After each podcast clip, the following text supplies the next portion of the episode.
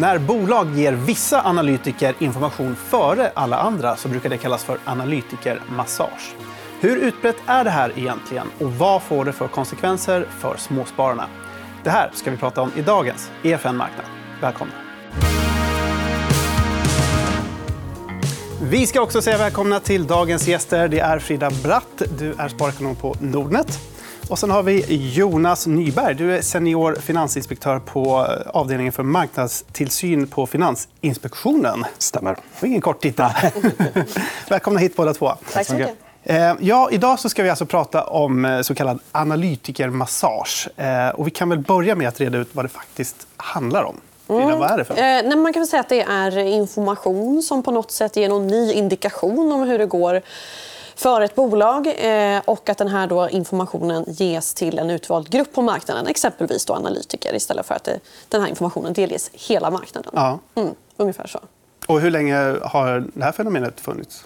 Nej, men, eh, länge. Alltså, det finns ju på något sätt kan man väl ändå säga, incitament eh, ibland hos bolag att göra på det här sättet. Eh, att justera förväntningarna hos analytiker som är eh, vad det egentligen handlar om. Alltså, på så sätt så undviker man ju exempelvis att komma in ja, men, mycket sämre än väntat, få liksom, eh, rubriker som inte är särskilt eh, smickrande. Mm. Eh, så det finns ju incitament att göra på det här sättet. Och det blir ju förstås ett eh, problem därför att de som får den här informationen kan ju agera på den på ett sätt som de som inte får den, som är då privatspararna, eh, kan inte agera på det här. Så det är klart att det blir ett problem och en orättvis marknad och liksom lite grann ett A och B-lag mm. på marknaden. Och det är därför som det ofta blir så stor debatt kring det här, det. för att det upplevs så orättvist. Mm. Ja, vi ska prata mer om det strax. här. Jonas, eh, hur ser Finansinspektionen på den här företeelsen? Ja, det är ju egentligen inga konstigheter. Det är inte tillåtet att, att delge kursdrivande information till enskilda parter i marknaden. Då gör man sig skyldig till en, en överträdelse. Mm. Så att, på det sättet är det inga konstigheter alls. Är det här ett svenskt fenomen? Eller? Absolut inte. Det, det, har nog, det har nog existerat i hela världen och under alla tider där det har funnits analytiker som har följt bolag. Och var det inte analytiker så var det enskilda investerare som hade kontakt med ledningarna och fick delvis information då som kanske andra inte fick. Så det är inget nytt. Mm. Man kan väl tillägga att jag tror inte att så många tror att det handlar om att IR-personer liksom ringer och berättar om nya färska siffror som inte ännu är publicerade. Utan kanske oftare så handlar det om liksom, eh, att nyanser framkommer i samtal mellan IR och analytiker. Alltså nya formuleringar, att man kan tolka saker mellan raderna. Mm. Eh, ofta är det ju det det handlar om och det är därför som det då ofta blir som en slags gråzon. Alltså vad, vad vad blir tillåtet. Det är inte alltid det är så svart eller vitt. För att det kanske inte handlar om att ge ny information i termer av nya siffror. Utan det handlar om att man kanske betonar någonting lite extra som gör att analytikerna kan tolka eh, saker. Eller som vi pratade om innan programmet, att man kanske som analytiker vet precis vad man ska ställa för fråga och behöver knappt få något svar. Man vet ändå vad man har fått ut av det hela. Mm. Eh, så det, Ja, det är inte helt tydligt. Det är inte helt tydligt. Det, där. det finns en gråzon i det som är eh, svår. Ja. Faktiskt. Men Jonas, vad skulle du säga? Hur, hur stor är risken att den informationen som ges i det sånt här fall kan handla om insiderinformation? Det beror nog på när man genomför de här eh, samtalen. Menar, om, om du har ett, ett möte med en analytiker eller telefonsamtal med en analytiker direkt efter en kvartalsrapport och går igenom den och, och förklarar delar, då är det inga större problem. Men har man ett möte i slutet på ett kvartal där det uppstått ganska mycket ny information under tiden så finns ju risken att man råkar försäga sig eller råkar ge indikationer som inte, som inte resten av marknaden har. Så att en, en stor del är bara när i tiden man gör det här. Ja, okay. Så det är också en faktor i det hela? Definitivt. Jag tänker just ur analytikernas perspektiv. Det är ju deras jobb att bevaka, hårdbevaka bolag och ha koll på alla detaljer och fråga om detaljer och prata med, med bolaget som sådan. Eh, det kan jag tänka också göra att gränsdragningen då mellan vanligt prat och analytikermassage blir svår att dra. Ja, det blir det. Och sen så kan man också eh, konstatera att menar, även IR-funktionens jobb är ju också att guida analytiker kring redan publicerad information. Mm. Det finns ju något ekosystem här som gör att det då uppstår de här gråzonerna som vi är inne på. Men där ligger ju skyldigheten på emittenten att, att ha en tydlig policy för hur de hanterar de här kontakterna. För att återigen, analytikern kommer söka informationen mm. så mycket det bara går. Utan det behöver att, att bolaget inte kanske har de här kontakterna i slutet på, på, på perioderna eller att de har en väldigt tydlig policy att vi kanske bara har öppna webbsändningar eller liksom pressmeddelanden om man vill gå ut med någonting istället för att ha enskilda samtal. Mm. Det, det lämpar sig kanske bättre i början på perioden än i slutet på perioden. Men hur mycket får man då som bolag indikera att till exempel estimaten ligger lite högt? Kan vi konkretisera det här lite grann? Ja, det blir nog ganska svårt. för I slutändan så är det en domstol som kommer att avgöra om det här var insiderinformation eller inte. Så att för mig att säga det liksom exakt är, är jättesvårt. Men, men, en tydlig indikation på att för mycket har sagts det är ju den kursrörelse som blir efter ett analytikersamtal. Om, om det ger ett utslag och, och, och, så vidare så kan man ju misstänka då att det ligger insiderinformation bakom. Mm. Och analytikern, eh, den mottagande parten så att säga, av informationen, vad har den för ansvar i det här? Den kan ju säga sig skyldig till ett brott. Men mottar den insiderinformation och för den vidare, antingen då i liksom interna rapporter eller vad det nu är, så, så kan ju han göra sig skyldig till att sprida insiderinformation. Så att, uh, den, den, individen bör ju ha koll på vad lagstiftningen säger och, och liksom förstå att nu fick jag för mycket. Det här är någonting jag inte kan använda mig av och, egentligen då säga åt bolaget, emittenten, att du har gett mig för mycket och du behöver gå ut med det här direkt. Mm. Och jag har varit med om den situationen för, för länge sedan där man fick avbryta liksom ett analytikermöte och så gå ut med pressmeddelande på direkten. Därför att det sades för mycket. Ja. Och det är så det ska gå till. Men hur pass eh, systematiskt och organiserat är sån här analytikermassage bland stora bolag? skulle du säga, Frida? Nej, men vi får ju ett antal uppmärksammade fall medialt per år. Eh, och, Det är bara de som uppmärksammas. Eh, där kanske du kan svara på mer om omfattningen. Men mm. vi hör ju det här återkommande. Mm. Men sen är det säkert mycket som inte upptäcks. Jag menar, det, det, går ju att säga för en analytiker, istället för att uttrycka sig så som ja, men bolaget A berättade det här för mig, så kan man ju alltid uttrycka det som att ja, vi tror att... Alltså, det går ju att formulera på ett annat sätt också. Eh, men sen omfattningen, det kanske du kan säga mer om? Ja, det, det, det, är nog helt omöjligt att säga. Det, det sker löpande kontakter mellan emittenter och analytiker. Och liksom, om, om det här sker på, på en gradvis sätt då är det ju liksom helt omöjligt för, för resterande omvärld att, att förstå att, att någonting har delgetts. Eh, när det blir liksom stora rörelser och så vidare, det är då det uppmärksammas. Mm. Så att, inte en aning om i, i vilken grad folk småläcker eller, eller någonting. Det är mycket möjligt. Men... Men förekommer gör det? Ja, Säkerligen. Ja.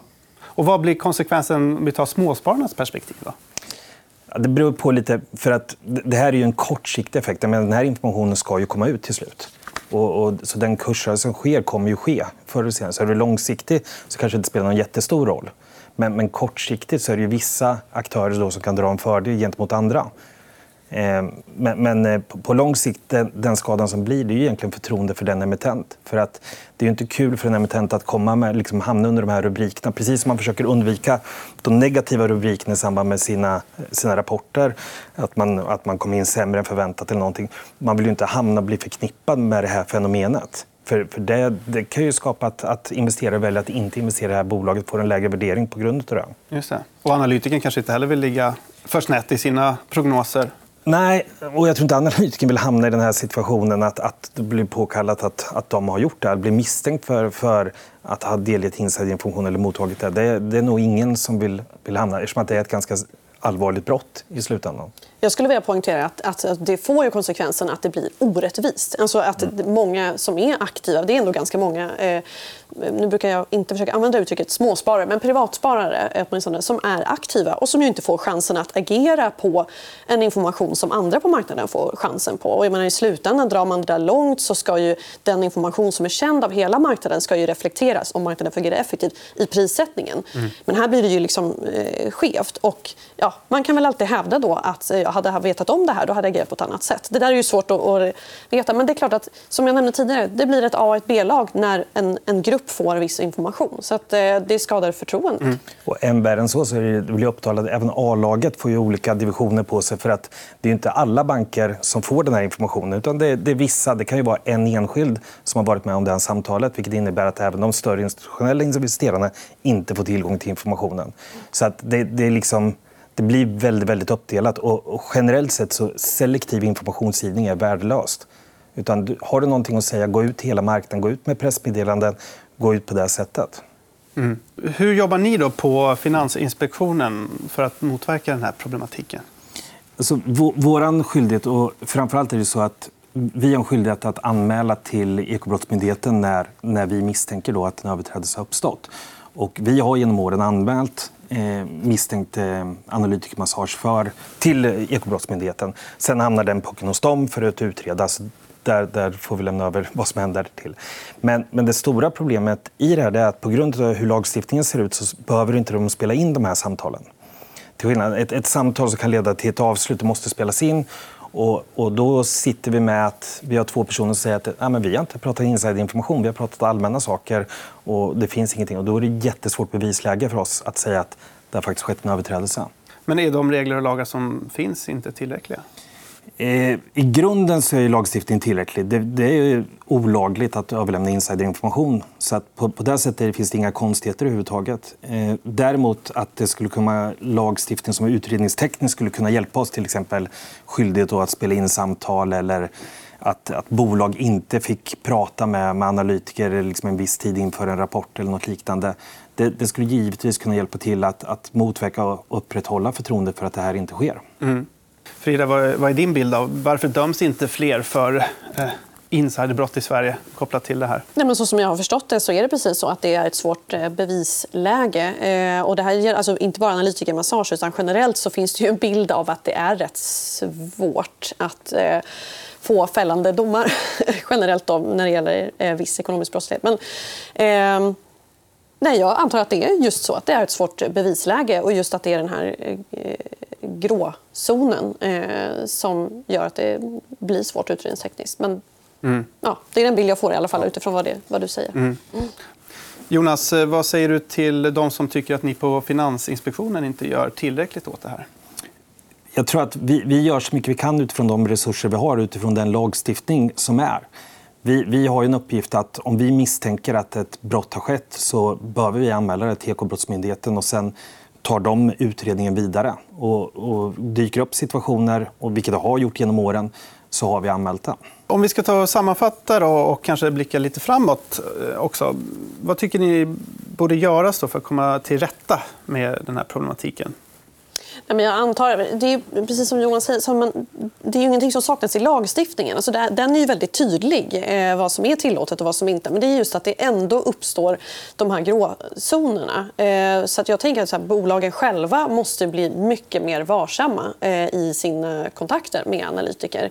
Eh, och vara ödmjuka för att information ja, man behöver vara varsam med den informationen i, i de samtalen man har. Eh, mer transparenta. Eh, jag mm vet inte om det behövs liksom bättre koll på att ja, men det här är faktiskt en information som vi kan gå ut med, som vi måste gå ut med brett. Men, ja, men vad har bolagen för incitament att vara det? då? Det känns inte som att det är så många som döms, Incitamenten döms är att det finns en lagstiftning, trots allt. Ja, det, det, det, är nummer ett. Och nummer två är att du vill inte hamna under den rubrikerna som, som vissa bolag har hamnat under när det gäller analytikermassage. Det är, det är mycket mer negativt som kan påverka prissättningen ganska lång tid framöver. Mm. Så att du, du, behöver tydliga policies hos emittenten som, som styr över hur du ger informationen och liksom att du håller dig till den biten. Därför att det är, å, återigen, analytiken kommer vilja ha så mycket information som möjligt. Så det kanske inte ska pratas i slutet på, på perioder. utan mm. ha, ha, en bra policy, följ den policyn och, och svara inte på framblickande frågor helt enkelt. Nej. Så det är kanske mer en optics-fråga, eller vad man ska säga, hur det framstår? Nej, men du, nej, det är inte en optisk fråga. Det är liksom, återigen, du, du, får inte göra de här grejerna. Men, men genom att, att, säkerställa att du inte råkar hamna i gråzonen ens, utan håll dig helt och hållet på det vita. Alltså, var jättetydlig. Prata inte en månad innan eh, rapport eller en månad innan kvartalet tar slut eller vad du nu väljer för policy. Jag, menar, jag som investerare skulle ju mycket hellre vända mig till bolag som jag absolut inte misstänker liksom hamnar i den här situationen. För de har tydliga policies när det gäller den här typen av informationsgivning. Mm. Jag vill ju få information när alla andra får den. Annars kommer jag ju känna mig orättvist behandlad. Mm. Och, och, då är det väl bra om, om man har en det liksom verkligen satt i system istället för att man dyker upp i rubriker. Mm, jag håller med. Så det finns ju tydliga incitament där, där det främsta ju är att så här, det är olagligt. Just det. ja. Hur många har dömts för insiderhandel kopplat till analytikermassage i Sverige? Jag tror inte det har varit något fall som har gått till, till, till dom i Sverige. Vad tror ni? då? Kommer det här bli bättre? Ja, man måste försöka vara lite optimistisk och hoppas det. Alltså, ju mer vi uppmärksammar det och pratar om det så hoppas vi förstås att det leder till att bolagen blir mer varsamma. Å andra sidan, om man är lite negativ så är det ju så att det här blossar upp och så pratar vi jättemycket om det under en period och sen så ja, faller det i glömska, vi pratar om annat och så blossar det upp igen och så händer det igen. Så att, eh, ja, men jag försöker vara ändå positiv och hoppas att eh, ja, bolagen lär sig någonting av de här skälen. Att det är inte kul att vara bolag och eh, anklagas för att eh, hålla på med analytikermassage. Jag håller med om det. Jag tror att där, där har medias dom redan, redan gjort sin insats för, för att förbättra det framtida liksom, klimatet genom att, att belysa problemet. Hörrni, det var allt vi hann med idag. Men stort tack för att ni vill komma hit. Tack så mycket. Tack och tack även till dig som tittar på EFN Marknad. Gillar du programmet så ge oss gärna en tumme upp på Youtube och glöm inte att följa vår kanal där också. Vi ses igen nästa gång. Tack för idag. Du har lyssnat på EFN Marknad, en podd som produceras av EFN Ekonomikanalen. Du hittar programmet även i videoformat på Youtube och på efn.se. Kom ihåg att prenumerera på podden och följ oss gärna på Instagram för fler aktietips. Där heter vi EFN Aktiekoll. Ansvarig utgivare är Anna Fagerström.